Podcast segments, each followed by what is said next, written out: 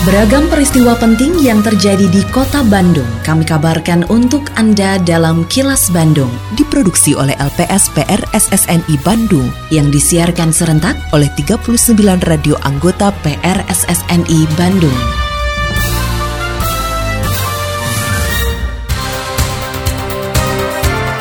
Sejumlah informasi aktual kami hadirkan untuk Anda dan inilah informasi utamanya. Laju pertumbuhan ekonomi Kota Bandung terus tumbuh. Atlet NPCI Kota Bandung berkontribusi besar dukung Indonesia juara umum ASEAN Para Games 2022. Pemkot Bandung cegah penularan HIV AIDS sampai ke wilayahan. Saya Santika Sari Sumantri, inilah kilas Bandung selengkapnya. Wali Kota Bandung Yana Mulyana mengakui pemulihan ekonomi belum dirasakan langsung oleh masyarakat. Pasalnya pasca pandemi baru berjalan beberapa bulan merupakan waktu yang pendek untuk memulihkan ekonomi. Namun Yana optimis laju pertumbuhan ekonomi Kota Bandung menunjukkan tren positif dan terus tumbuh. Menurut Yana, pemerintah masih harus membagi konsentrasi antara aspek kesehatan dan ekonomi karena pandemi masih harus tetap diwaspadai meskipun saat ini relatif sudah sangat terkendali. Kita kan harus tuntaskan dulu pandeminya ya. Setelah pandeminya terkendali, mudah-mudahan kita tadi bisa melakukan percepatan proses pemulihan ekonomi. Kan kalau dibaca kan itu memang tiga bulan eh, pasca pelantikan ya. Itu memang itu kan waktu itu pandemi juga masih ya relatif masih tinggi. Tapi mudah-mudahan lah Bismillah. Sekarang vaksin kan udah bagus ya. Terus relatif juga sangat terkendali. LPE juga kelihatannya kita trennya tumbuh gitu ya. Ya bismillah lah mudah-mudahan. National Paralympic Committee Indonesia atau NPCI Kota Bandung berhasil menyumbang medali emas terbanyak dalam ASEAN Para Games 2022.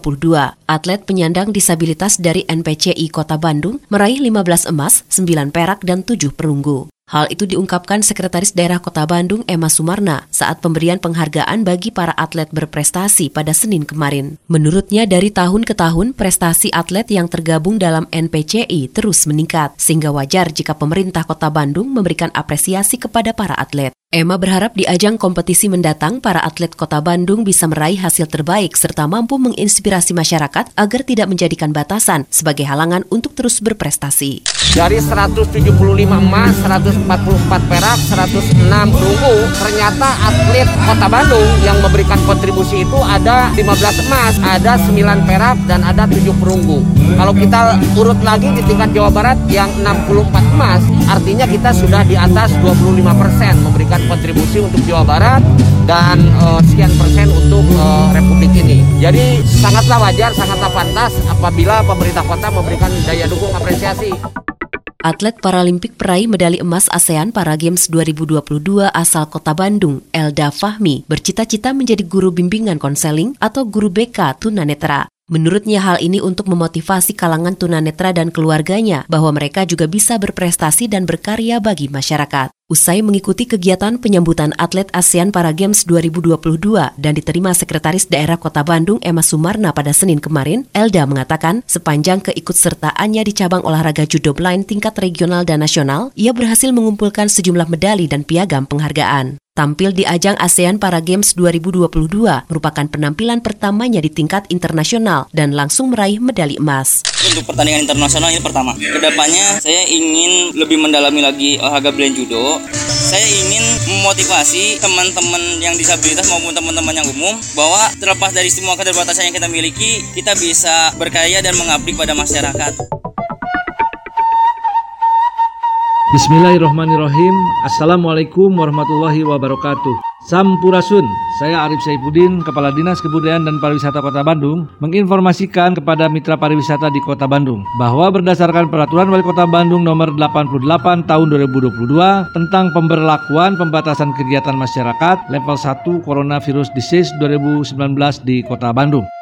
Kegiatan atau aktivitas yang dibatasi Kegiatan atau aktivitas usaha panti pijat, refleksi, mandi uap, dan spa atau masas diperbolehkan dengan menerapkan perilaku hidup bersih dan sehat serta screening periodik. Kegiatan atau aktivitas event atau konser seni, musik, budaya yang dilaksanakan di dalam atau di luar ruangan diperbolehkan dengan menerapkan perilaku hidup bersih dan sehat serta screening periodik. Pengelola fasilitas atau penanggung jawab kegiatan atau aktivitas usaha panti pijat, refleksi, mandi uap, dan spa atau masas serta kegiatan atau aktivitas event dan konser seni, musik, budaya wajib menggunakan aplikasi Peduli Lindungi. Kegiatan atau aktivitas usaha panti pijat, refleksi, mandi uap, dan spa atau masas dibatasi paling banyak 75% dari kapasitas ruangan. Kapasitas kegiatan atau aktivitas event atau konser seni musik budaya yang dilaksanakan di dalam atau di luar ruangan dibatasi paling banyak 75% dari kapasitas venue atau tempat kegiatan. Kegiatan latihan seni budaya diperbolehkan dengan ketentuan paling banyak 50 orang per sesi latihan dengan kapasitas ruangan minimal untuk 100 orang. Ketentuan mengenai waktu dan teknis kegiatan atau aktivitas event dan konser seni musik budaya ditetapkan oleh Kepala Dinas Kebudayaan dan Pariwisata Kota Bandung.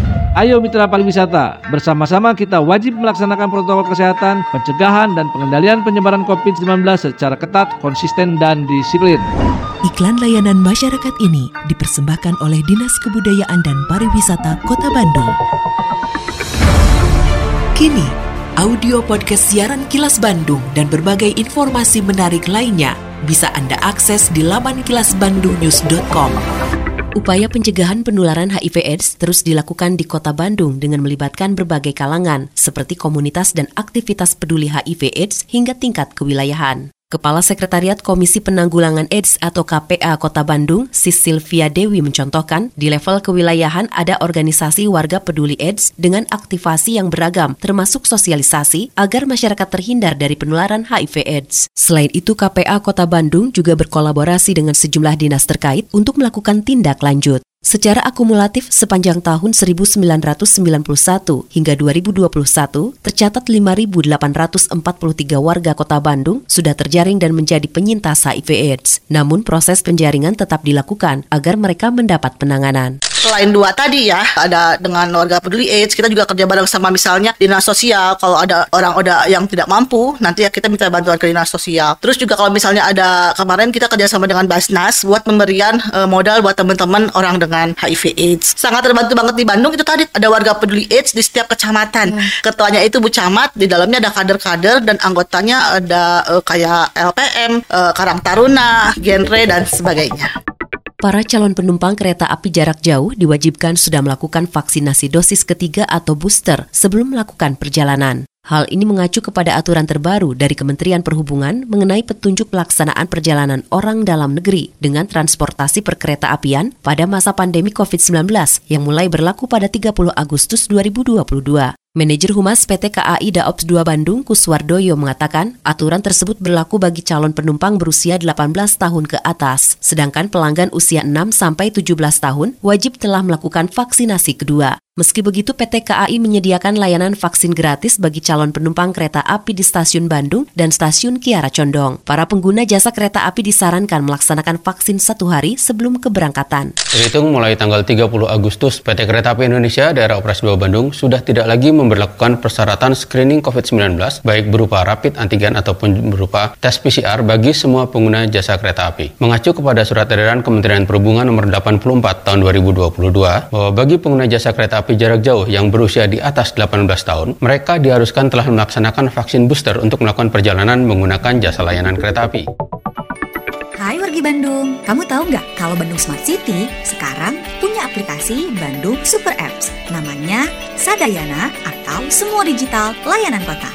Nah, ada menu apa aja sih di Bandung Sadayana? Kamu bisa mendapatkan berbagai layanan publik, forum smart city, marketplace, kalender event, CCTV publik, data, informasi COVID-19, virtual event, info kegawat daruratan 112 bisa didapatkan di aplikasi ini. Wih, keren banget nggak sih? Setiap user akan tergabung menjadi bagian dari Bandung Smart City Forum dan dapat mengakses berbagai layanan publik dari pemerintahan Kota Bandung. Jadi, kuy, buruan download ya! Untuk informasi lebih lanjut, kamu bisa kunjungi website www.smartcity.bandung.go.id atau download aplikasi Bandung Smart City di Google Play dan WhatsApp Bandung Smart City di 0811 259 1810. Bener-bener deh Bandung Super Apps, satu platform untuk beragam kebutuhan. Pesan ini disampaikan oleh Diskominfo Kota Bandung. Lindungi diri dari COVID-19 dengan selalu memakai masker saat beraktivitas karena pandemi belum usai. Tetap patuhi protokol kesehatan di masa adaptasi kebiasaan baru untuk mencegah penularan virus corona. Terima kasih Anda telah menyimak kilas Bandung yang diproduksi oleh LPSPR SSNI Bandung.